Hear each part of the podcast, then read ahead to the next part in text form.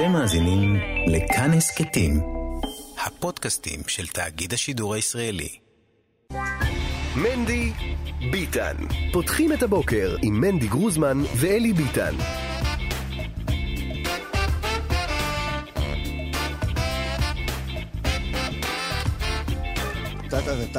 בוקר טוב, בוקר טוב, יום שני בשבוע, יום אה, שאין בו כי טוב, אבל uh, מחר, יום שלישי, uh, יהיה פעמיים כי טוב.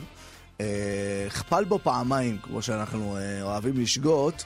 Uh, בעזרת השם, uh, אנחנו uh, פותחים את היום הזה, uh, יום uh, בשבילי שמח, זה יום ההולדת של אימא שלי, uh, וזה יום שמח מאוד, יום uh, חגיגי מאוד. Uh, אז אני uh, חגיגי גם... Uh, יש, יש אווירה, יש אווירה של שמחה, אה, וזה למרות שאנחנו נמצאים במשבר, כן? אפשר אה, להגיד את זה. אנחנו נמצאים במשבר. קודם כל, משבר אה, מדיני, ביטחוני, איך שאתם אה, קוראים לזה, הביטחון האישי, צבע אדום אה, במהלך הלילה, אה, צה"ל אה, תוקף בעזה. גם, גם המאורע של שישי עדיין, עדיין אצלנו. אני, אני חייב להגיד, באופן אישי, אנחנו נדבר על הרבה דברים אחרים. ונעסוק במה שקורה, אבל אני, אני קשה לי עם המעבר הזה שעוברים הלאה, וזה וזה טבעי, אני מבין. מבין למה כולם עוברים לדבר הלאה, מבין שאנחנו בישראל וחייבים לרוץ על הסדר, מבין את זה גם מהצד הזה וגם מהצד השני, אבל... זה קשה, איך, איך, אסון כזה, איך אפשר, אבל אנחנו, אנחנו גם נדבר על זה. כאן, תהיה כאן אשת מקצוע שגם תעזור לנו עם, ה, עם העובדה שקורה דבר כזה, אבל כל כך קשה, אבל עוברים הלאה. ו- ו- וגם uh, פוליטי, אוקיי? היום uh, רבבות צפויים להגיע uh, לירושלים, להפגין מול הכנסת. בכנסת צפויים, ועדת חוקה צפויה להתחיל להצביע על סעיפי הרפורמה המשפטית. אתמול נשיא המדינה, תכף נהיה על זה, קורא לאיזושהי פשרה. אה, אבל הכל, הכל מאוד מאוד דרמה, בין השאר אה, פרשיות אה, ביטחוניות שנחשפות, הכל, הכל נראה, נראה תקופה שקורה הרבה דברים, אנחנו ננסה לעשות סדר במה שמעניין אתכם. ונפתח את התוכנית. אני עדיין לבד, אלי ביטן כאן, מנדי עוד לא, עוד לא שב, ובעזרת השם ישוב בקרוב. רונן דן על הביצוע הטכני, שלום רונן, בוקר טוב לך, השם ישמור אותך. שיהיה שמחה, שיהיה טוב. מקווה שכבר אה, הספקת אה, דף היומי להיום, אה, הלכה יומית, רמב"ם יומי. מקווה שאתה רץ על הסדר כל מה שצריך, לא, לא מזניח. מה שנקרא, נותן את זה איתי סופרין על העריכה, עירה וקסלר על ההפקה. בצוות העריכה גם עמרי קפלן ושירה ולכיכר, גם הם איתנו. המון אנשים טובים שעושים את התוכנית הזו ותוכניות נוספות. אתם אה, מאזינים ומאזינות גם אה, נקראים לכתוב לנו מה מטריד אתכם, 055-966-3991, תהיו מקוריים. מזכיר לכם שהרעיונות לתחפושות, אה, אנחנו עדיין צריכים. זאת אומרת, העניין הזה לא נפתר, אוקיי? זה שקלטנו, אמנם באיחור, שעוד שבועיים וחצי, שלושה שבועות פורים, אז קלטנו את זה, אבל, אה, אבל עדיין, אה, אנחנו צריכים את הרעיונות שלכם, 055-966-3991, נדבר הרבה, אבל הנה, אתמול, רגע לפני הפגנת הרבבות למול הכנסת, רגע לפני שהרפורמה המשפטית עולה, נשיא המדינה מכנס את העיתונאים ופונה לעם ישראל. בוא נשמע. אנחנו בעיצומם של ימים הרי גורל, עבור עמנו, עבור מדינתנו. הדברים שאומר כאן הערב יהיו נוקבים ורוויי כאב, וחלקם לא ינעם לצד כזה או אחר. מכלול חלקי הרפורמה במתכונתה הנוכחית מעלים חשש עמוק מפוטנציאל ההשפעה שלהם לרעה על יסודותיה הדמוקרטיים של מדינת ישראל. אנחנו כבר מזמן לא בוויכוח פוליטי, אלא על סף קריסה חוקתית וחברתית. ולכן, כפי שנהגו נשיאי ישראל בעבר, במקרים קיצוניים כאלה אני מסרב לעמוד מנגד. אני מבקש, אני מתחנן, אחיי ואחיותיי הישראלים, האיומים מבחוץ גדולים דיים, אלימות מכל סוג, ועל אחת כמה וכמה אלימות כנגד משרתי ציבור ונבחריו היא קו אדום שאל לנו לחצות בשום פנים ואופן. בבחירה בין התפרקות לשותפות אני בוחר בשותפות. אסור לאף רשות להיות מקובעת. הרשות השופטת חייבת להיות בית, העובדה שאין מספיק גיוון מטרידה אותי שנים רבות. הרפורמה המוצעת לא צצה יש מאין. היא תוצר של מחנה שמרגיש שנחצו בעניין הזה גבולות לאורך השנים. אז הרשויות צריכות להיות גמישות, לא, לא, לא להיות מקובע, אוקיי, רשות שופטת, רשות מחוקקת. לזרום, לזרום עם השינויים. הנשיא הרצוג אומר את הדברים. מפתיע שאף אחד לא תוקף אותו באופן אישי. באקלים הפוליטי שלנו זה מפתיע, אבל גם משני הצדדים, לא לגמרי מקבלים את הדברים, בכל צד אומרים, אוקיי, אפשר לדבר אבל, אפשר לדבר אבל, ואנחנו רוצים אה, להבין יותר את האירוע הפוליטי הזה. שלום ובוקר טוב לפרשן העל, פרשן אה, כאן חדשות, שלום ליואב קרקובסקי. שלום, בוקר טוב. הדברים של הרצוג אתמול והעיתוי שבו הוא בוחר אה, לצאת לעם עם הצעת הפשרה שלו, אתה מופתע? לא, לגמרי לא. והוא בנה את זה בדיוק לנקודה הזאת. אתה בכל שבוע כמעט יכולת לראות איך הוא עולה מדרגה בהתבטאויות שלו. איך הוא עולה מדרגה בפגישות ובמסרים שהוא מעביר גם בשיחות אוף דה רקורד. אני ציפיתי שזה יקרה, תיארתי לעצמי שזה יקרה, וזה עמד אה, פחות או יותר גם בסדרי הגודל של מה שחשבתי שהוא יעשה. אמ, אה, הייתה מחשבה שאולי יודיע ממש על הקמת ועדה נשיאותית שתעבוד תחתיו בבית הנשיא כדי לקיים את הדיאלוג הזה בין שני הצדדים. הוא לא עשה את זה מסיבה אחת מאוד פשוטה. הוא לא עשה את זה למרות שיאיר לפיד ציין שהוא כן הציע את זה. הוא לא הציע את זה. יאיר לפיד כתב... הוא לא הציע את זה, אוקיי. אה, אבל אה, למעשה הוא לא זיהה אה, באופן אמיתי רצון לקיים איזושהי ועדה מהסוג הזה מצד הקואליציה וגם לא מצידה של השופטת אסתר חיות. וזאת הסיבה שבעצם הוא לא הודיע על הדבר הזה, אבל הוא בעצם פתח את, האופ, את, ה, את, ה, אה, אה, את הדלת לאיזושהי אופציה לקיומו של משא ומתן על בסיס של תוכנית שהוא הציג. זאת אומרת, זה, אה, אם נלך למתווה הנשיא הישן, אם, אתה, אם אתם זוכרים, אחרי בחירות סבב ב', הנשיא ראובן ריבלין הציג את מתווה הנשיא שיאפשר לנתניהו לכהן כראש ממשלה למרות הגשת כתבי האישום כנגדו, ונוצר איזשהו דיאלוג אה, של אה, שיח חרשים. כל צד הבין או הדהד את מה שהוא מעדיף להבין מתוך המתווה הזה, כי הוא היה מאוד מאוד עמום. הרצוג למד את הלקח, והוא הביא כאן מתווה מאוד ברור. חמישה סעיפים שהם נושאים למשא ומתן, שבהם הוא מקבל חלק מהנרטיבים של כל אחד מהצדדים. והדבר הזה הוא בהחלט בסיס טוב איתן למשא ומתן. בוא נדבר רגע על הרצוג, אבל שנייה רגע, לפני שאנחנו מדברים על הסעיפים האלה, התחושה, ובאמת אפשר לשים לב לזה, שהרצוג זוכה לאוזן קשבת שריבלין לא זכה אליה. הרצוג נכון. זוכה לאוזן קשבת, אני לא רק מדבר על הליכוד, אני לא מדבר על החרדים, אני מדבר אפילו על האזורים של איתמר בן גביר ובצלאל סמוטריץ', למרות שהרצוג היה מה שנקרא מנהיג מחנה השינוי עד לא מזמן, כן? עד לפני כמה שנים.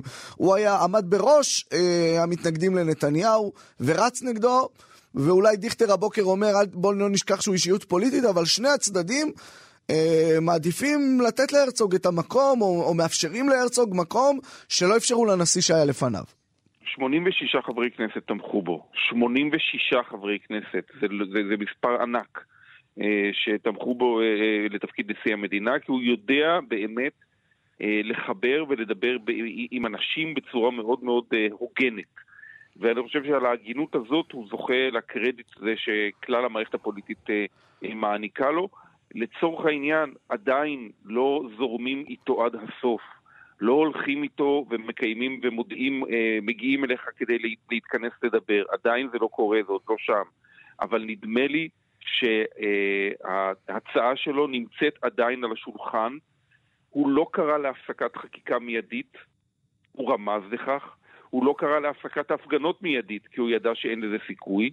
ולכן אני חושב שההצעה שלו תישאר על השולחן גם לאחר אה, סיום ההצבעות היום בוועדת חוקה, חוק ומשפט לקריאה ראשונה, אבל עוד לפני הבאתן לקריאה ראשונה במליאת הכנסת. אה, הבנתי. אז בוא, בוא רגע נדבר... זה חלון הזמן שנותר כדי לדבר. כן. אז בוא רגע נדבר על, אה, על הסעיפים. מה בעצם כוללת ההצעה של הרצוג כפי שהוא מניח אותה אתמול על השולחן?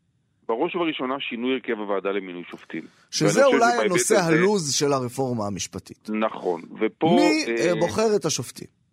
ו- וכאן אה, הרצוג מצד אחד מקבל את הדרישה שיש צורך לעשות שינוי דחוף בהרכב הוועדה, אבל הוא אה, סותר את הדרישה הממשלתית אה, לבטל את הרוב של שבעה חברי אה, ועדה על מנת אה, להגיע אה, למינוי של שופטים בבית המשפט העליון. זאת אומרת, אה, אה, מצד אחד אה, הוא אולי אה, משתף פעולה עם הרצון לשנות את ההרכב. ובזה הוא זוכה כבר הוא דורש, לזעם, כן. אבל הוא דורש אה, שהדבר הזה עדיין, שהמינויים האלה עדיין יהיו בהסכמה. אה, ולא בכפייה של קואליציה על, אה, על אופוזיציה על מערכת המשפט, כן. לא, אופוזיציה זה לא הפונקציה, הפונקציה היא המערכת הפוליטית המערכת הפוליטית מול המערכת המשפט, כן. מול מערכת המשפט. ובעצם מה ש... השינוי שעשה גדעון סער לפני כמה שנים קבע שבעצם חייב להיות דיאלוג. כי כאשר מתוך תשעה, שבעה חברי ועדה חייבים להגיע להסכמה, זאת אומרת שזה חוצה מפלגות וחוצה... אה, כן. אה, אה, ומגיע גם אל תוך המערכת המשפטית. מצד שני, גם אפשר לראות בהצעה של לא הרצוג, אפשר לראות בהצעה של הרצוג כן אולי ויתור על הכוח שיש ללשכת עורכי הדין והחלפה של זה בנציגי ציבור שממונים באופן מוסכם. נכון, בהסכמה בין נשיאת בית המשפט העליון לבין שר המשפטים. זאת אומרת, זה מדלג על האופוזיציה, כן. אבל, זה, בהחלט נותן קודם כל כוח מאוד משמעותי לשר המשפטים. בדיאלוג קבוע עם, אה, עם, עם, אה, עם אה, נשיאת בית המשפט העליון. כן. זו הצעה טובה מהבחינה הזאת, היא מאזנת בין הצרכים של שני הצדדים, היא לא עומדת בקריטריונים שיריב לוין רוצה אותה. אוקיי, טוב, מה ארבעת הנקודות הנוספות? ארבע הנקודות הנוספות? לא נתייחס אולי לכולן, כן, אבל החשובות. אני חושב שהדבר המרכזי זה פסקת ההתגברות שעליה אה, אותה רוצה אה, לחוקק אה, הרצוג במסגרת של אה, אה, אה, חוק יסוד החקיקה, שזה דבר שכבר מדברים עליו המון שנים במערכת הפוליטית ולא עושים, והגיע הזמן באמת לעשות אותו, שהוא באמת אמור אה, לטוות את האופן שבו מתייחסים לחוקים במדינת ישראל, מהו חוק יסוד ומהו אינו חוק יסוד, מה היחס של בית המשפט העליון לחוקי יסוד, ובהיבט, ובאיזה רוב נקבעים חוקי יסוד, יש לו עוד אה, סעיף אחד בתוך יסוד, חוק יסוד החקיקה שאותו, אה, עליו הוא דיבר אתמול והוא מאוד מעניין, זה שחוקי יסוד יעברו בארבע קריאות. אה, וזה דבר מאוד מעניין משום שהוא דורש מאמץ נוסף של הכנסת לייצר רוב, לייצר דיאלוג יותר רחב, שינוי בצורת החקיקה, זה בעצם אה, אה, באמת לאתגר, לאתרג את חוקי היסוד בצורה הרבה יותר משמעותית, ואז באמת בית המשפט העליון לא יוכל להתערב בהם. Okay. כן. אה, זה סעיף מאוד מאוד חשוב. ויש לו עוד... ויש עוד סעיפים שנוגעים, אני רוצה ככה לקחת עוד כמה שניות מזמנך. האם יכול להיות שההצעה הזו של הרצוג עלולה לפגוע בכוחה של המחאה, או בעצם בהתלכדות אה, כנגד אה, הממשלה הנוכחית, שיבוא מחנה מבפנים, אולי, אתה יודע, ברמה הפוליטית יגידו מחנה גנץ, אבל מן הסתם יש לו גם נוכחות בציבור אה, המפגין, הציבור המוחה, שיבואו ויגידו, אוקיי, אנחנו לא אה, הולכים למרי אזרחי, או לא, לא הולכים לשבור את הכלים, אנחנו בוחרים בדרך האמצע. זה יקרה אך ורק אם יהיה דיאלוג. אני חושב שאתה רואה את uh, כל המחאה uh, נמשכת, והבוקר החלה בשעה מאוד מוקדמת בבוקר בעמידה ליד בתיהם של שרים, uh, והתהלוכות והנסיעות לירושלים יהיו היום סיוט לכל מי שיבקש להגיע לעיר ולא לצורכי הפגנה, כי אני מניח שזאת תהיה הפגנת ענק היום ליד הכנסת. אני חושב שהמחאות האלה, לפחות בשלב הזה, אה, מצליחות אולי לעורר משהו, בטח בבית הנשיא, אבל לא רק שם, כדי לנסות אה, כן לייצר איזשהו דיאלוג. אה, זה לא מפורר עדיין את המחנה הזה, היום אנחנו נראה באחת וחצי הצהרה משותפת של ראשי סיעות האופוזיציה, למעט מנסור עבאס ורע"מ כן. תע"ל, ותע"ל וחד"ש תע"ל. חד"ש תע"ל. אבל אני חושב שאנחנו אתמול שמענו אמירות די דומות, גם של גנץ, גם של אה, אה, אה, לפיד, שתומכים במתווה הנשיא, אבל אה, דורשים קודם כל את הפסקת החקיקה. הפסקת החקיקה כנראה כבר לא תקרה, כי עוד שעה ועדת חוקה, חוק ומשפט מתכנסת. מתכנסת כבר להתחיל ולדון. יואב קרקובסקי, פרשן כאן חדשות, תודה על השיחה הזו, בוקר טוב. תודה רבה. מנדי ביטן עקרת הח"כ, אנחנו מנהגנו חברי כנסת חדשים שנכנסים לכנסת ישראל, פינת הקר או הקה, שלום ובוקר טוב לחבר הכנסת צבי סוכות. בוקר מצוין. זהו, אתה כבר חבר כנסת. זה קרה בסופו של דבר. קרה, כן. יפה. אתה יודע, היה כאלה קטני אמונה שאמרו זה לא יקרה, זה לא יקרה, אבל אה, בסופו של דבר זה התרחש, האירוע התרחש.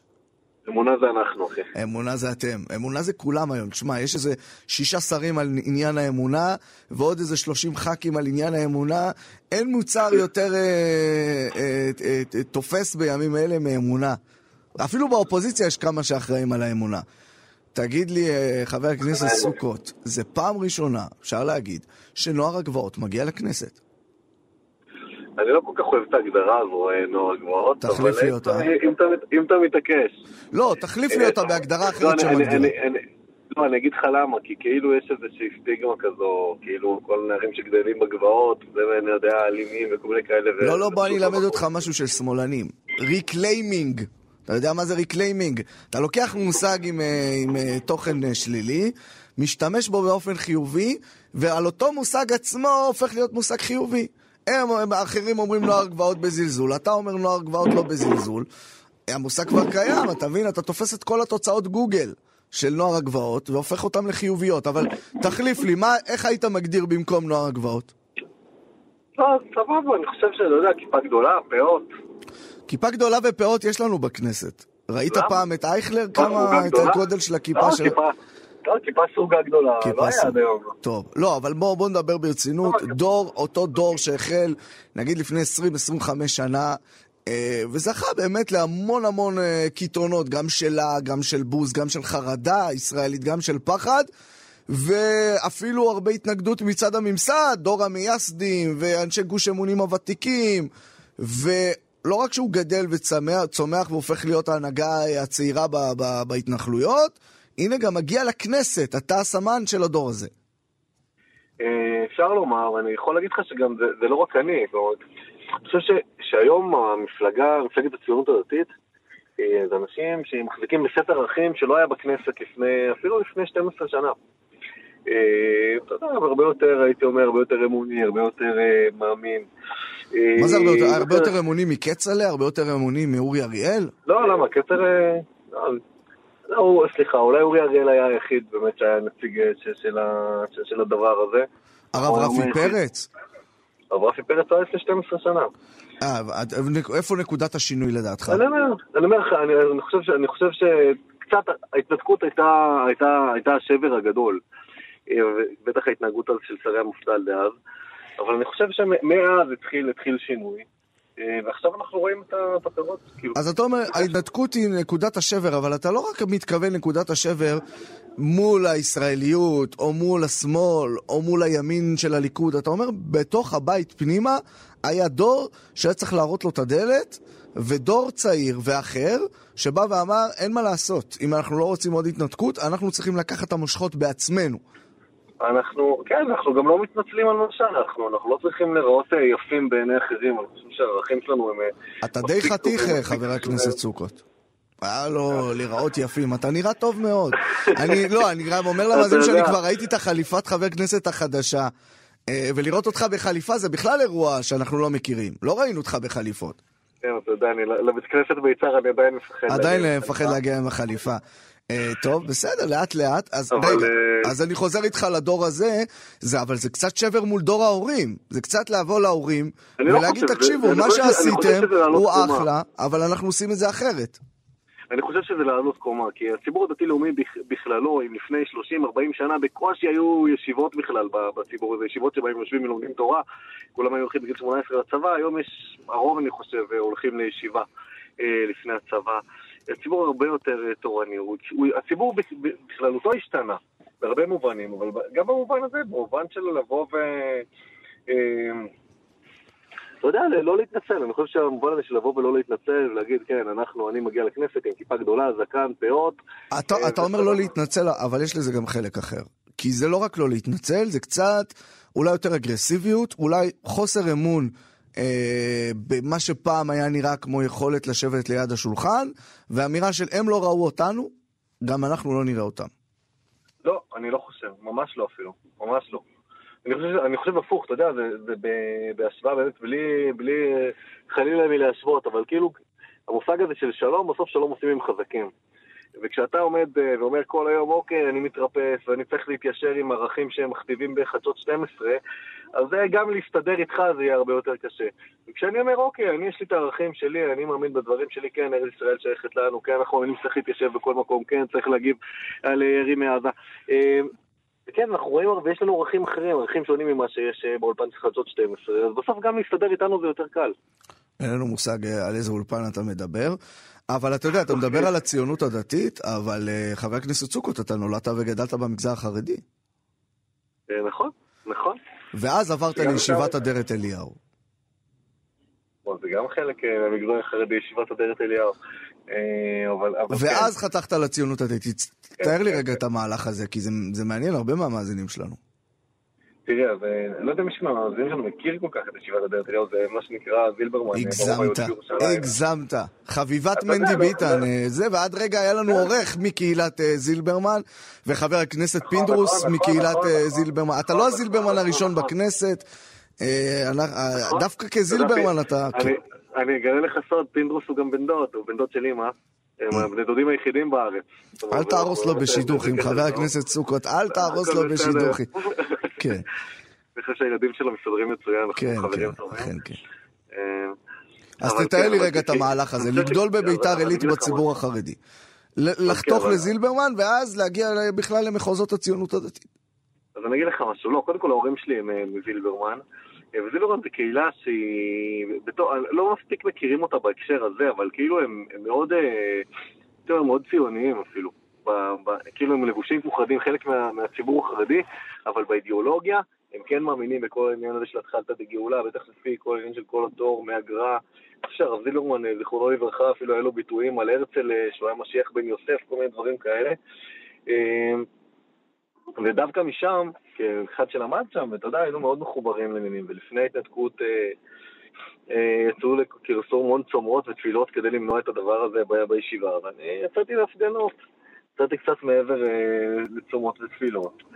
אה, וזה היה, היה מקום שבו אמרתי, אני, אני גם רוצה לעשות. אני לא, אני מאמין בערכים האלה, אני גם רוצה להיות שותף, אני רוצה להיות חלק. מה שאולי בציבור החרדי אומרים, אה, אנחנו יכולים אולי להאמין בערכים האלה, יכולים להיות פטריוטים, אולי מאוד ימניים, אבל uh, לעשות אנחנו פחות. מה זה לעשות? Uh, תולעת ישראל אין כוחה אלא בפה. אז יפה, אז אני, כאילו, אתה יודע, היום אני באמת העיסוק שלי הוא בפה, אבל גם בפה, בסוף אתה מנסה בעולם המעשה, לתפוס עוד ועוד שטחים, אה, לבוא ולשנות את המציאות, גם בהיבט הביטחוני לנסות לשנות מה שאפשר. ואני חושב שזה מקום שהוא שונה מה, מהמיינסטרים של הציבור החרדי היום.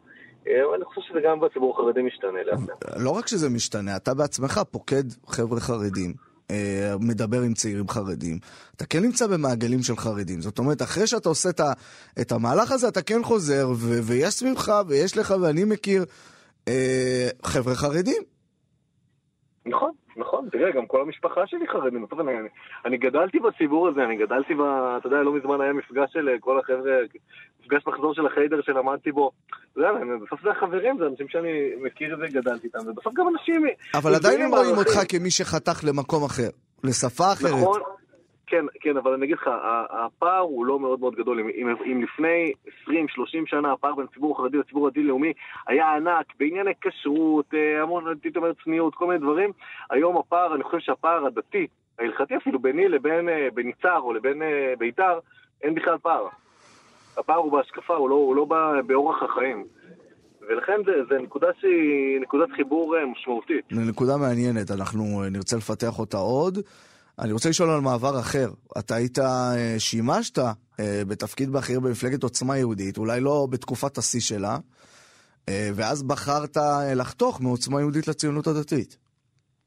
תראה, אני לא חתכתי מעוצמה יהודית לציונות הדתית, עזבתי את עוצמה יהודית לפני קרוב לחמש שנים.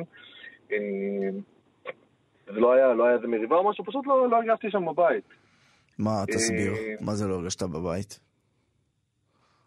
לא יודע, לא, בסוף, לא יודע, לא יודע להגדיר את זה ממש מספיק טוב, אבל זה כאילו סוג של גם אופי, גם דפוסי פעולה. לא הרגשתי שם בבית, לא הרגשתי בבית במקום הזה, ואני מאוד אוהב את האנשים שם, חברים ממש טובים. אתה מאוד אוהב אותם, הם גם אוהבים אותך? כן, כן, כן, חברים ממש טובים. כן, ב... אני יכול להגיד לך שביום הולדת uh, הקודמת שלי, איתמר בן גביר כחבר כנסת הגיע, הגיע אפילו אליי ליום הולדת. אה, חברים טובים, אבל הוא גם יודע, הוא יודע שאני לא אצלו, אז הייתי אצל יוסי דגן אחר כך, אה, שזה גם לא בדיוק עוצמה יהודית. כן. ויודע, אתה יודע, יכולים להיות חברים טובים ולא להיות באותו מקום...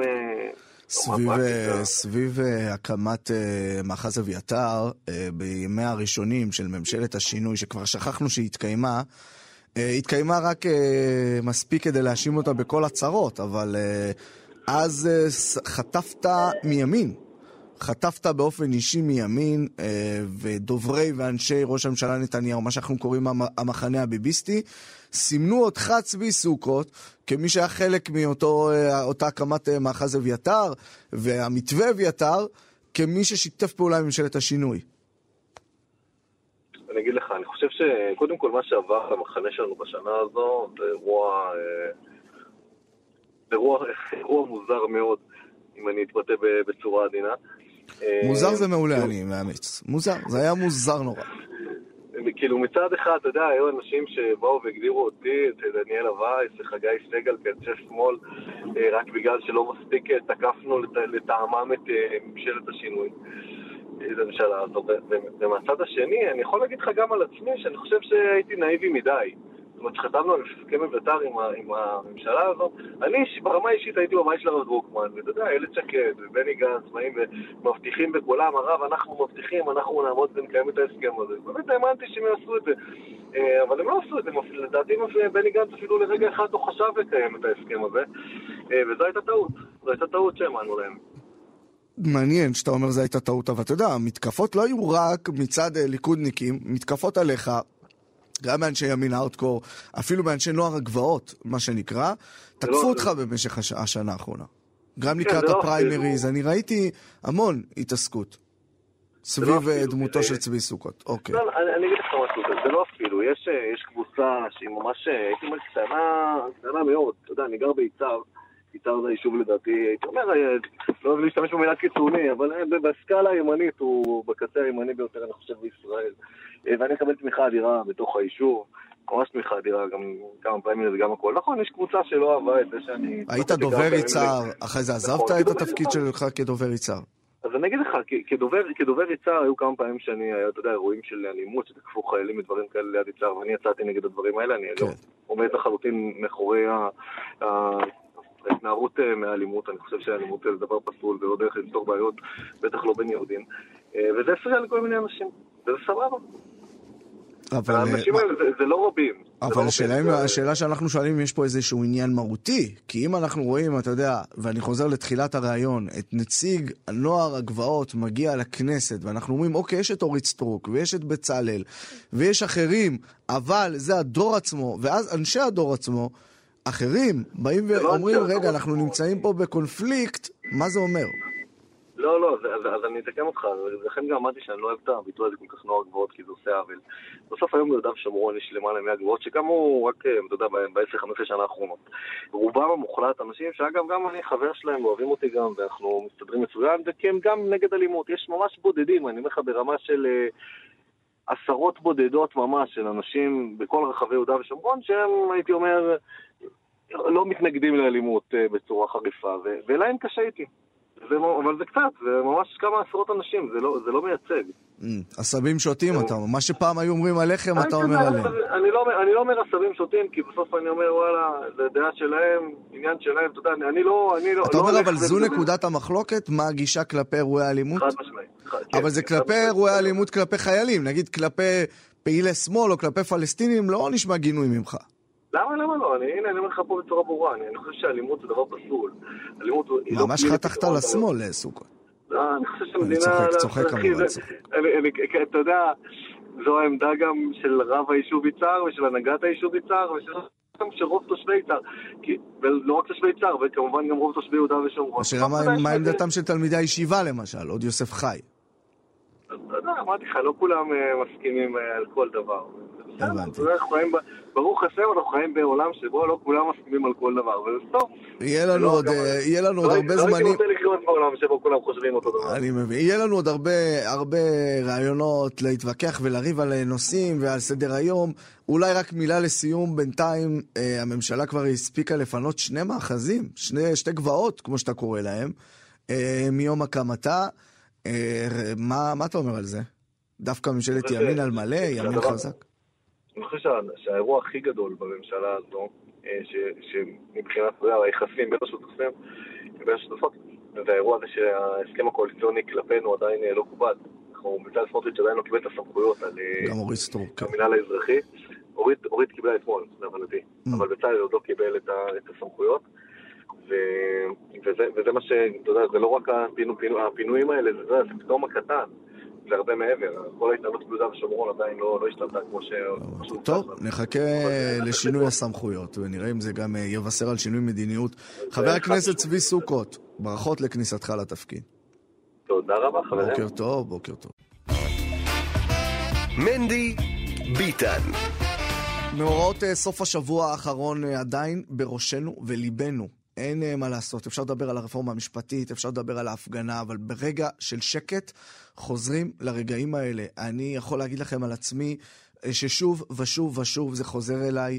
אה, האימא, הילדים, הסיפור הזה הנורא נורא דרמטי, שאנחנו באמת עסקנו בו אתמול בהרחבה, ואנחנו שואלים איך, איך מדברים, איך מתמודדים בעצמנו, איך מדברים עם הסביבה, איך מדברים עם ילדים קטנים, איך מתמודדים עם האסון הזה, וגם עם, עם החזרה המהירה הזאת לשגרה, כאילו, אה, כאילו לא היו דברים מעולם, ו- והיו דברים, ויש שבעה, ויש יתומים שיושבים בשבעה, נורא.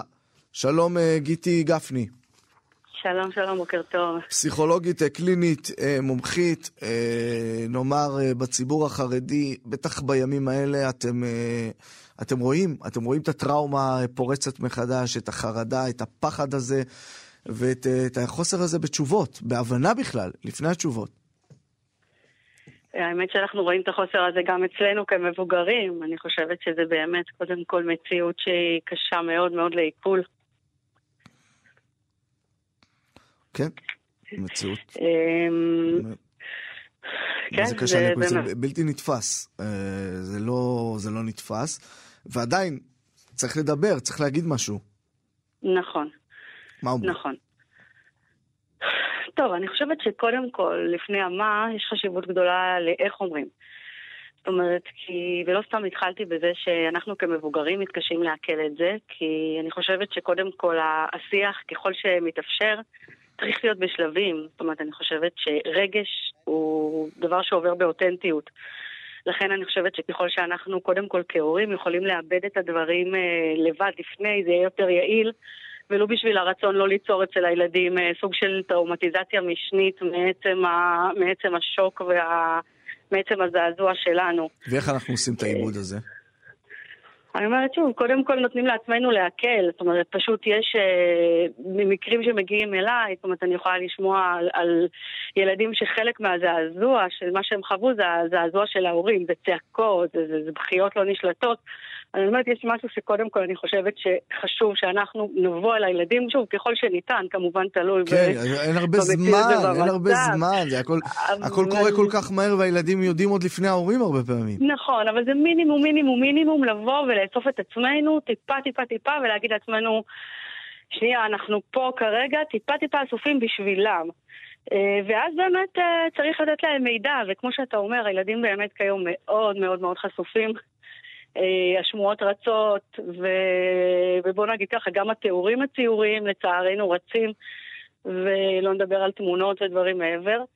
ולכן באמת ככל שאפשר חשוב שהמידע, ככל שניתן, הוא יגיע מההורים בצורה אה, מסודרת, מידע אמין, מידע אבל מינימלי, זאת אומרת כמה שפחות צבעוני, כמה שיותר ענייני, זאת אומרת פרטים מדויקים, אבל, אבל במינימום, במינימום ש, שאפשר, זאת אומרת באמת כדי שכמה שפחות אה, לחשוף אותם.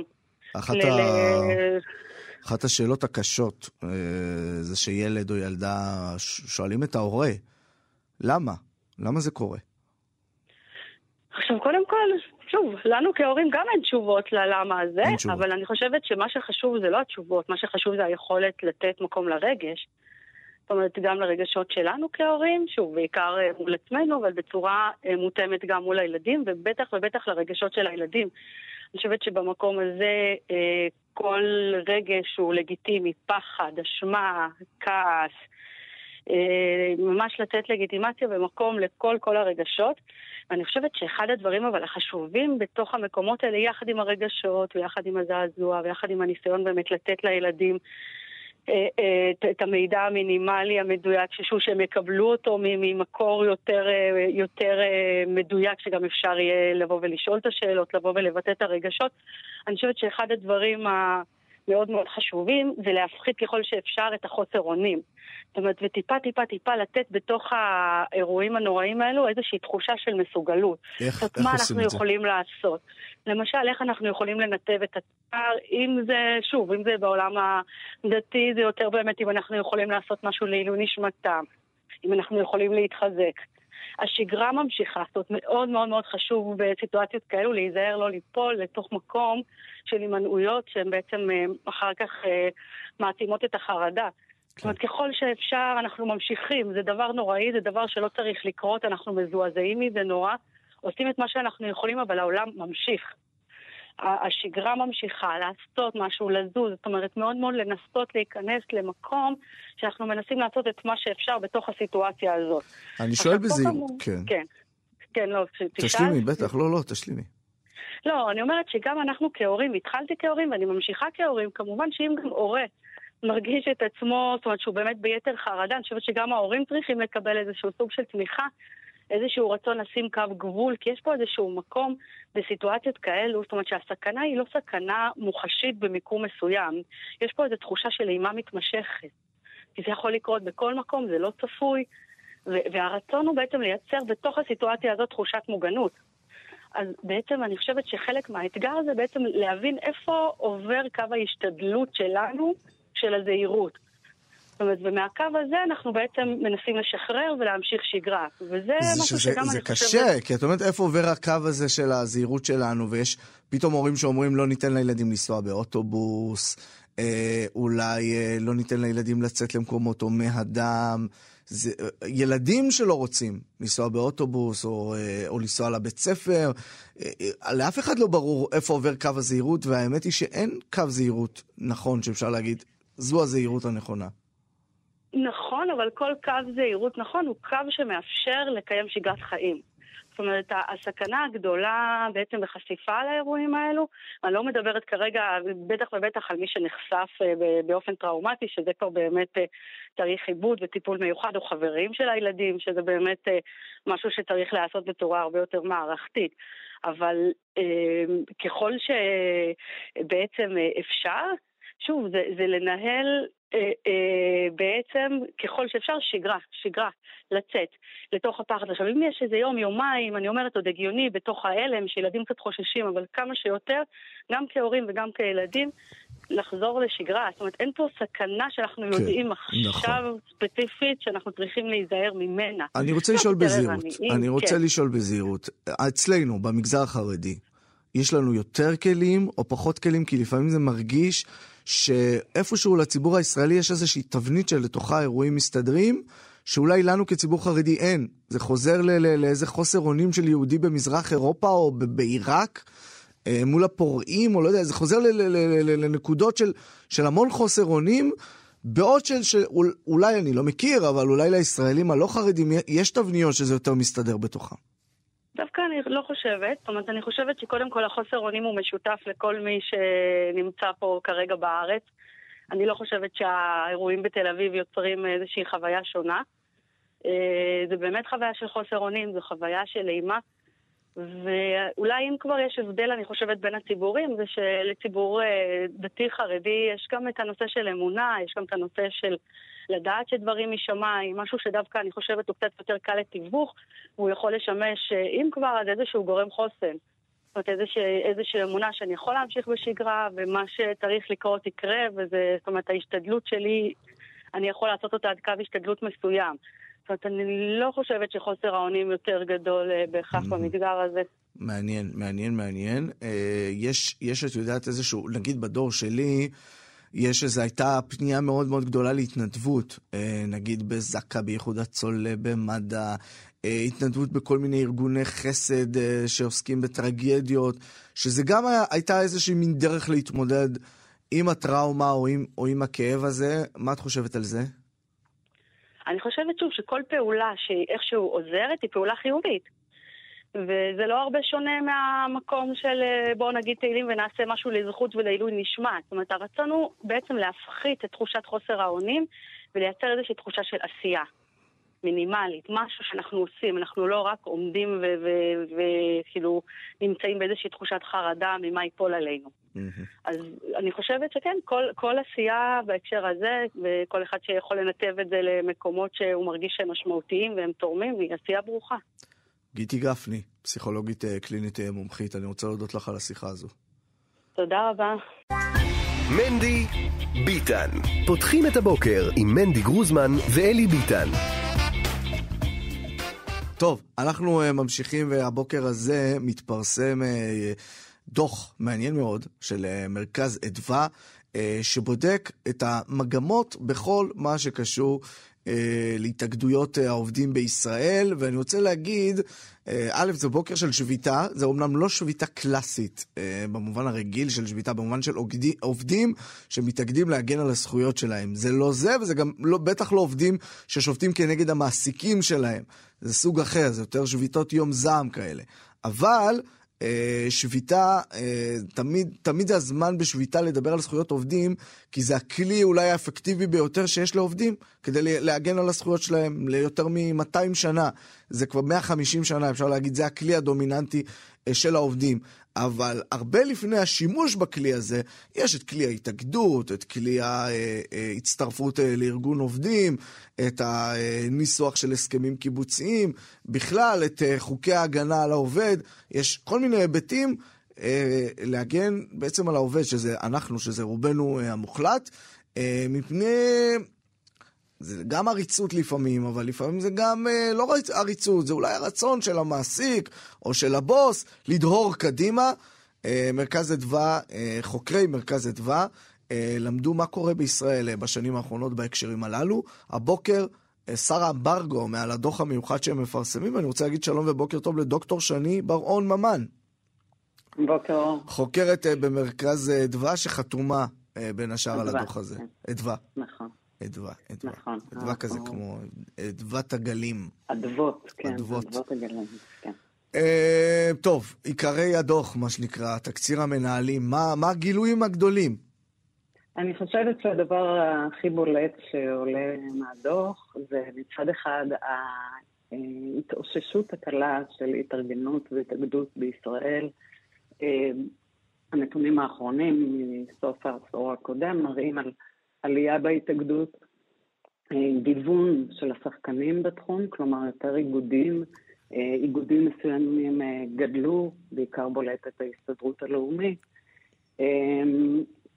ונוצרו שחקנים חדשים כמו כוח לעובדים, ומצד שני, לצד האופטימיות הזו, אנחנו רואים כן החמרה בהצעות כנגד התאגדות והתארגנות וזכות השביתה, כמו שהזכרת.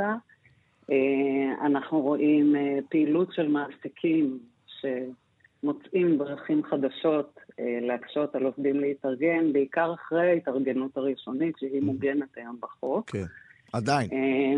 עדיין, כן, לגמרי. אבל אני חושבת, זה ראוי לציון, שקצת נחנו על זרי הדפנה, כלומר הייתה פה באמת חקיקה מיטיבה ב-2009, שהאירה את השדה הזה וגרמה ליותר התארגנות, אבל אה, זה לא המשיך. החקיקה כן. המיטיבה. אנחנו גם יודעים שלא רק שזה לא המשיך... מנצלים את זה. כן, אז אנחנו יודעים אה, שזה לא רק שזה לא המשיך, יש גם גורמים אה, בעלי השפעה, בטח אה, בקואליציה הנוכחית, אבל גם בקואליציה הקודמת, לגמרי. שחותרים כן. בעצם לפרק את, את זכות השביתה, את זכות ההתאגדות בצורה כזו או אחרת, בכל מיני אמצעים. אה, בחקיקה ובתקנות ואולי פירוק של אה, בית הדין לעבודה וכל מיני דברים כאלה. אני רוצה אבל אה, ברשותך לצייר איזשהו ציר. אם אנחנו מדברים על שנות ה-90 בתור המשבר הגדול של העבודה המאורגנת בישראל. נכון. בעצם שנות ה-90, אה, שבירת כוחה של ההסתדרות, הרפורמה במערכת הבריאות, ואז בעצם עוברים 15 שנה עד שהתחום הזה מתאושש. אבל נכון. מה שקורה היום, שאם בשנות ה-90 או בשנות ה-80 אנשים גדלו בעולם שבו עבודה מאורגנת הייתה מין ברירת מחדל, ומשהו מאוד מאוד מקיף את אורח החיים, אבל הם באו ואמרו, אוקיי, אנחנו קצת משתחררים מזה, היום אנחנו באים בתוך עולם שבו רובנו, בטח האנשים הצעירים, עבודה מאורגנת היא לא חלק מהחיים שלנו, היא לא אה, כל כך משמעותית, היא לא משפיעה, אנחנו לבד. והעבודה המאורגנת היא חלום, אבל... אני חושבת שפועלים להכניס את, ה... את התודעה הזו, שכביכול אה, התארגנות זה שייך לעבר, ואין לה תועלת. אני חושבת שצריך להבין שכוחם של עובדים ללא התארגנות הוא אה, פחות בהרבה, ואנחנו רואים את זה בחלקים בשוק העבודה שאינם מאורגנים. וירידה אה, בהתארגנות מעלה את אי השוויון, אה, תורמת ל... ל... לפערים עצומים בחברה. אבל את יודעת מה אומרים? כלומר, יש לזה אומרים... השלכות קרדינליות על חיי היום-יום של האזרחים. והאזרחיות בישראל, ואני חושבת שמאוד חשוב שהם יבינו למה זה עדיין רלוונטי להם. בטח, בטח, אבל אני אומר, אה, אחת האמירות שאומרים, אומרים לך נכון, עובדי למשל טלמרקטינג, או עובדים, אה, עובדים בחנויות, אה, עובדי, עובדים שנותנים שירות בחנויות, נגיד בענקיות הטקסטיל, בבגדים, mm-hmm. לא כן. מאוגדים. אבל אומרים לך, מצד שני גם הייטקיסטים לא מאוגדים. זאת אומרת, גם העובדים החלשים, אבל גם העובדים החזקים, לא מאוגדים. אז, אז, אז השאלה מה מושך, כאילו, אם אנחנו מסתכלים על העובדים החזקים, ו, וזה שלהייטקיסטים יש חוזרים פרטיים, וכל אחד מתנהל מול המעסיק, ובעצם לא, אה, המעסיקים לא מחויבים לאיזה ארגון עובדים, ואז מה שגורם אולי להאטה ביכולת שלהם ליזום, ולפטר, ולסגור, ולפתוח, ההתייחסות מול יכולה להיות מורכבת. ש... אני חושבת שהגיוון של השחקנים בתחום דווקא עורר את השדה, כלומר, אנשים כן התגייסו חזרה להתארגנות, ואנחנו רואים את זה גם בענפים שבעבר לא היו מאורגנים. אה, הדבר הכי ידוע בהקשר הזה זה פסק דין אה, פלאפון. ובאמת ההתעוררות של... אנחנו לא יודעים מה היה, את אומרת את זה כי כאילו כולנו יודעים מה היה שם. כן, אוקיי. אנחנו למדנו בדיוק אה, מסכת בבא קמא באותו יום. אז אחרי החקיקה המיטיבה ב-2009, שאסרה למעסיקים להתערב בדרך כלשהי בהתארגנות ראשונית. הדבר בעצם אה, הפך להלכה בפסק דין טלפון מ-2013, שבאמת אה, החברה פעלה כנגד התארגנות עובדיה בצורות שונות ומשונות, שלא נפרט כרגע. אה, והדבר הזה נאסר על ידי בית הדין והביא להתארגנות לא רק בפלאפון, אלא גם בסדרה שלמה של חברות כן. תקשורת אחרות, ולכן אנחנו רואים באמת גידול בענף הזה, בהתארגנות. אנחנו רואים את זה גם בענפי ההייטק, אה, אולי בצורה פחותה, אבל אני חושבת שדווקא הענף הזה, סביב משברים כמו 2008, הבין בעצמו שגם הם אה, לא לעולם חוסן. כן? מעניין. אה, נכון. כן, נכון. וזקוקים לארגון שיגן עליהם בשעת... לפני כמה, לפני כמה ימים שמעתי פודקאסט, שמעתי ראיון עם הבכיר הישראלי בטוויטר. כן. ישראלי בכיר מאוד בטוויטר, אה, זה אנשים... לא קל בטוויטר בימים לא קל לא בטוויטר, הוא ממש סיפר את כל כן. הסיפור, זה באמת שיחה מרתקת בצורה יוצאת דופן.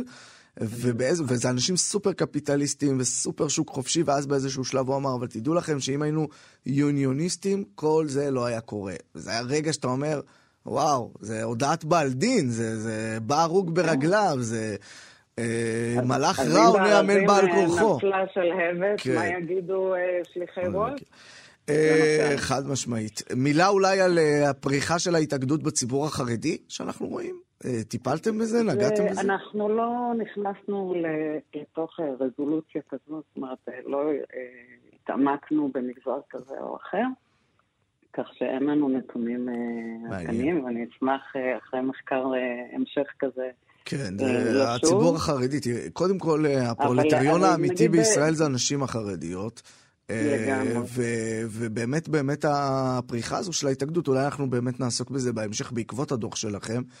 אה, לדבר. אבל היה למשל פסק דין אה, בוסי נגד אה, אגודת ישראל, שבו כן. נקבע שבית, הדין, כן. ש, כן, שהמעסיק פגע בהתארגנות עובדיו, ונאסרה הפגיעה הזאת. אני רק רוצה לציין, בהמשך למה שדיברנו קודם על פלאפון, שאנחנו רואים היום השתכללות של השיטות, במעבר למה שעדיין כביכול מותר, וזה מריחה של משאים ומתנים.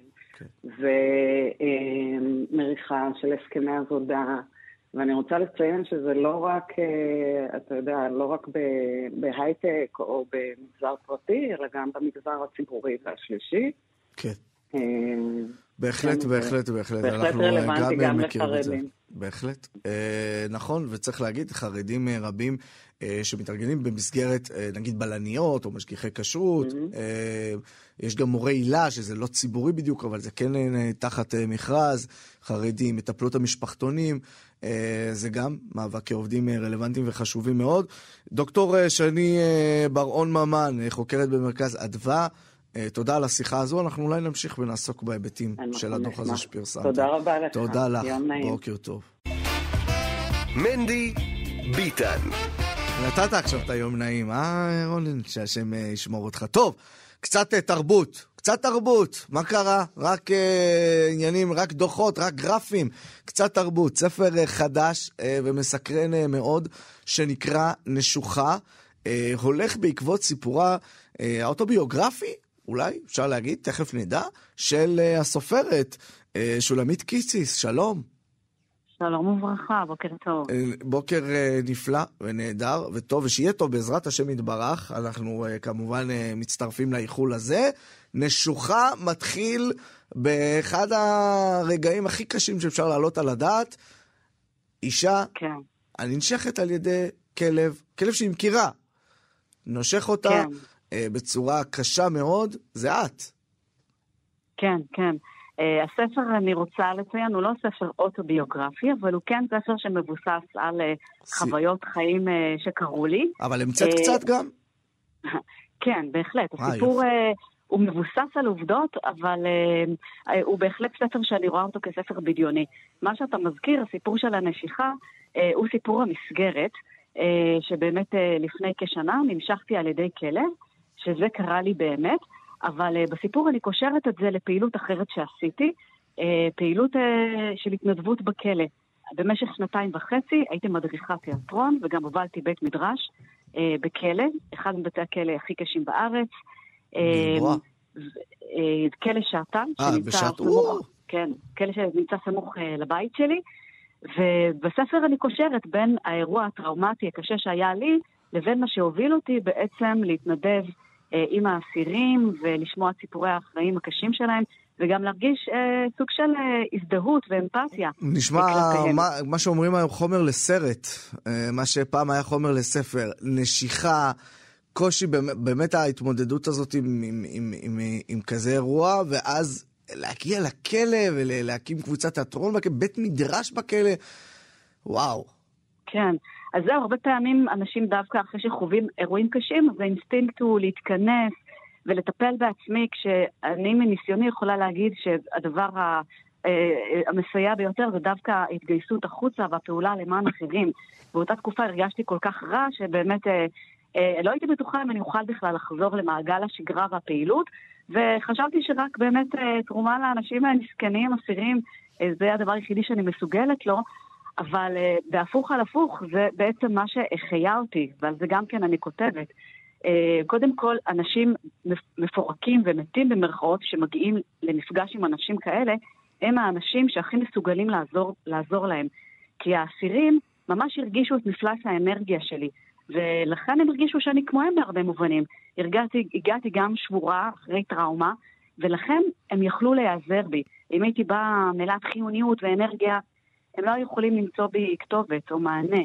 אז ככה שבאמת הייתה איזה מין סינרגיה כזאת במפגש איתם, כן. ונוצר קשר מאוד מאוד קרוב. אנחנו לא נעשה ספוילרים ולא אה, נשאל מלא שאלות על הסיפור עצמו, כי אתם פשוט אה, תקראו.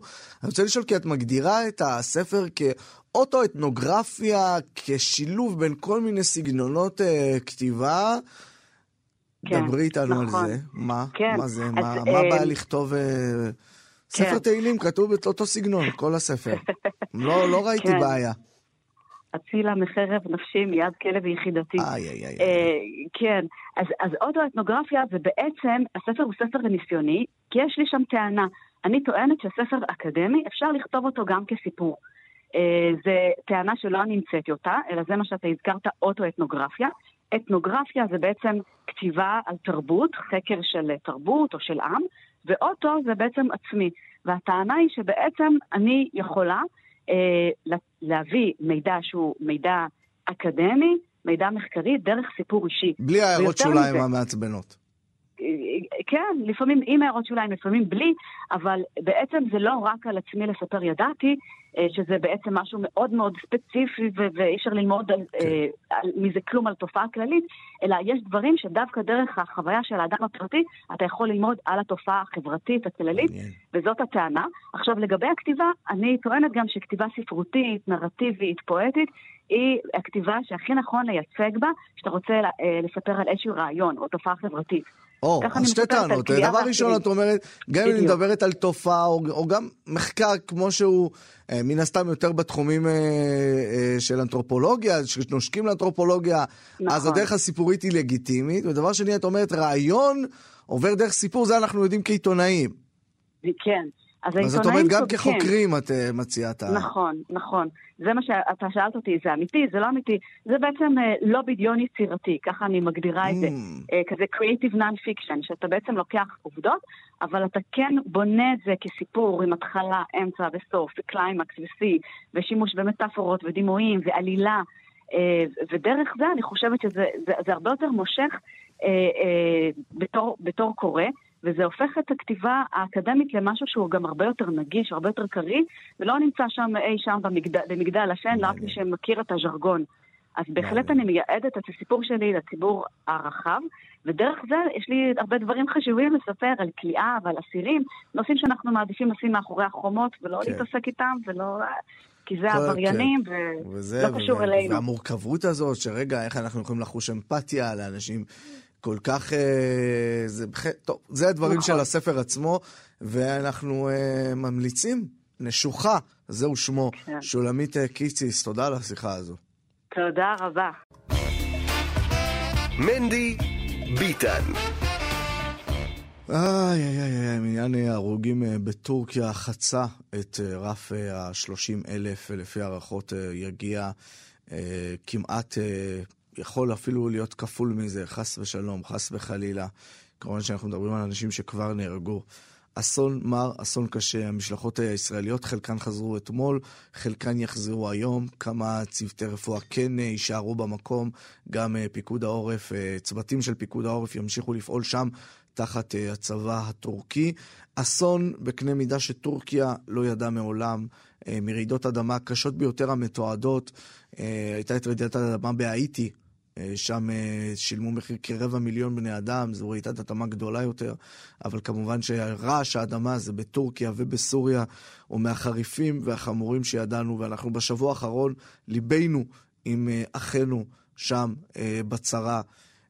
ואנחנו גם, העם היהודי עצמו וארץ ישראל, ידעה לא מעט רעשי אדמה ולא מעט אסונות שכאלה. וזה הזמן להגיד שלום אה, ובוקר טוב לרב אברהם מימון. בוקר טוב לכם ולכל המאזינים. מחבר הספר אה, דרך האתרים.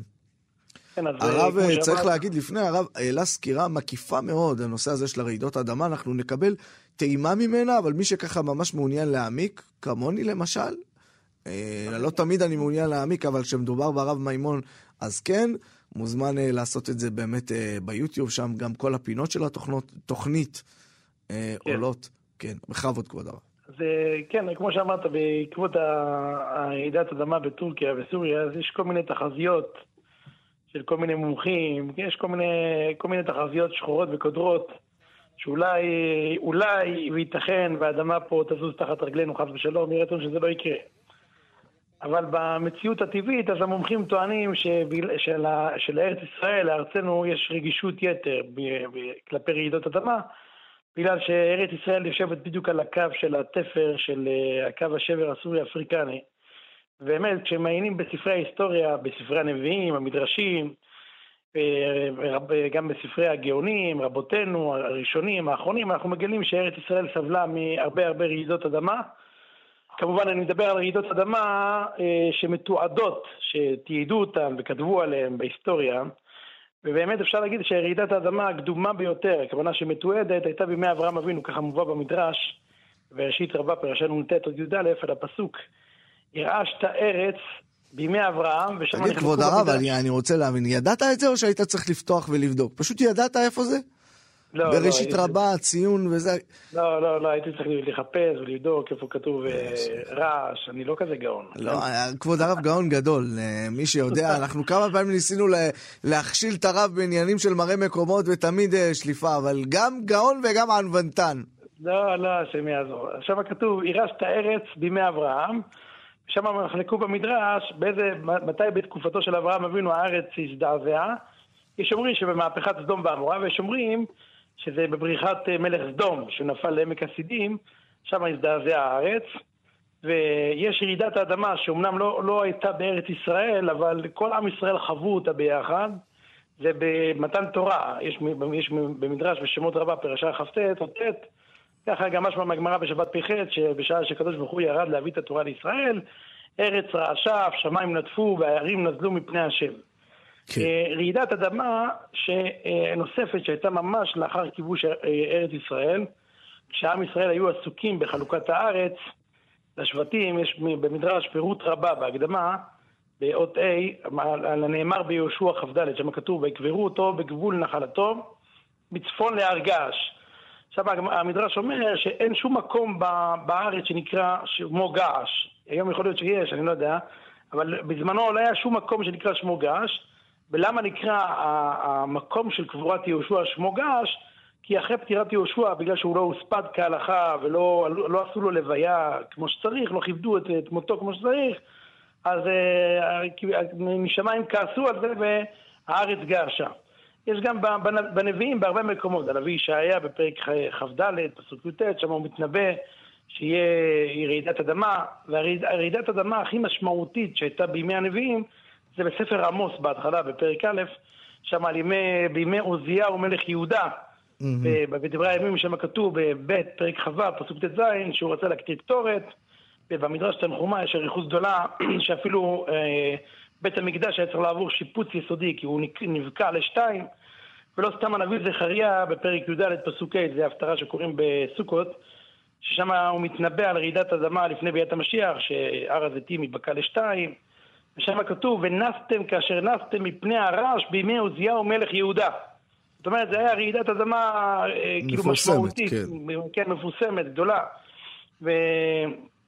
וגם הנביא יחזקאל מתנבא על הרעידת אדמה הזאת בפרק ל"ח. ובסופר יוסיפון גם, בקדמוניות היהודים, פרק ט', יש שם גם כמה, כמה, כמה, כמה, הוא היה היסטוריון, יש שם כמה מקומות, אה, הוא כותב שם שמאה שנה לפני החורבן, כמאה שנה לפני החורבן, שזה יוצא בערך 30, 31 שנה לפני הספירה, הייתה רעידת אדמה בירושלים שנספו בה 31 אלף איש. כמובן שכל המספרים האלה זה לפי התיעודים של פעם, לפי היכולות של פעם, זה לא, כן. לא, הדברים לא מדויקים. וגם אה, יש בה, בזמן הגאונים, לא בזמן הגאונים, בתקופת הסבוראים, אחרי חתימת התלמוד, אבל הגאונים מזכירים את, ה, את היום הזה כיום צום וכיום תענית, גם הבית יוסף מביא את זה בהלכות תעניות, בשנת ד' אלפים תק"ח, שזה יוצא בשנת 749. יוצא, שזה יצא 679 שנה אחרי חורבן בית שני, הייתה רעידת אדמה קשה מאוד, קראו לה רעש השביעית. וקראו לה צום, ליום הזה, כ"ג שבט, קראו לה רעש השביעית. ועוד רעידת אדמה יותר חזקה, שגם כן ב... שבשנת ד' אלפים תשצ"ג, זה יוצא 1033, אה, הייתה שם רעידת אדמה קשה מאוד, והרעידה הזאת הרסה כל השרידים שנותנו בירושלים, אפילו חלק מהכותל המערבי, הרעידה הזאת גם הביאה משהו טוב, שהתגלו חלקים מהכותל המערבי שהם היו מכוסים מתחת לאדמה, וכל העיר התמוטטה, השכונה היהודית שהייתה קבועה בעיר דוד, היא נדדה ממקומה והלכה למקום יותר גבוה. המסגד אה, כיפת הסלע גם כן קרס, היה רעידת אדמה מאוד קשה. וכמובן, זה היו עוד רעידות קטנות, אני מדבר על הרעידות הגדולות, וכמובן כולנו מכירים את הרעידות, הרעידה המפורסמת ביותר שהייתה בצפת, בצפת, אה, זה כן. ידוע לכולם, בשנת כן. תקצ"ז. האסון הזכור הזה. כן, ב-1837, וגם בשנת תרפ"ז, זה היה בכ"ד טבת תקצ"ז, 1837. זה מיניונו. כן, מיניונו, ושם הארץ רעשה, וכל העולם בכו וביכו את האסון הנוראי הזה. מי שהיה גדול החכמים בזמנו, שהוא כתב על זה דרשה ארוכה מאוד, בת 25 דפים, וזה היה הרב משה סופר, החתם סופר, כן. שהיה בכלל בהונגריה, אבל הוא, שם הוא כותב ודורש על מיתת הצדיקים בחורבן ארץ הגליל, ושם הוא כותב שם שהערים נהרסו, ויש לו שם קינה, קינה ארוכה מאוד, כמו שאנחנו מפייטים בליל פסח, אה, משוררים בליל פסח, כאילו הוציאנו ממצרים, כן. דיינו, דיינו. יש לו שם קינה שבנויה, אבל הפוך, כאילו, על, ה, על הצד, ה, הצד הלא טוב, כביכול. כן. ושם מאוד מעניין שאת הדרשה שהוא דרש, הוא דרש רק באלף באייר, באלף באייר תקצ"ז. כן? הוא חיכה כמה חודשים, והסיבה שהוא חיכה כמה חודשים, רואים מתוך הכתב שלו, מתוך הדרשה שלו, שהוא חיכה, הוא חיכה, הוא חיכה לחכמי ארץ ישראל שנמצאים בארץ ישראל, שיגיבו על, על מה שקרה. כן. ובאמת, אחרי שהוא קיבל מכתב מאחד מחכמי ארץ ישראל הגדולים, תלמיד הגאון מווילנה, רבי ישראל משוקולוב, בעל פיית השולחן, כן. אז הוא, נתן, אז הוא נתן לעצמו במה גם כן לדרוש. גם אה, לכתוב על זה. כבוד הרב, גם, הרב אה, אברהם מימון, אנחנו פשוט uh, צריכים לעבור, יש איזשהו עניין בכנסת. הרב כן. אברהם מימון, מחבר הספר דרך האתרים, תודה רבה על הסקירה הזו. שנשמע רק בשורות טובות. רק בשורות טובות, כמובן, אנחנו איתך לגמרי, אבל הסקירה המלאה ביוטיוב, תקשיבו, זה, זה מרתק. תודה רבה. אתם מאזינים לכאן הסכתים, הפודקאסטים של תאגיד השידור הישראלי.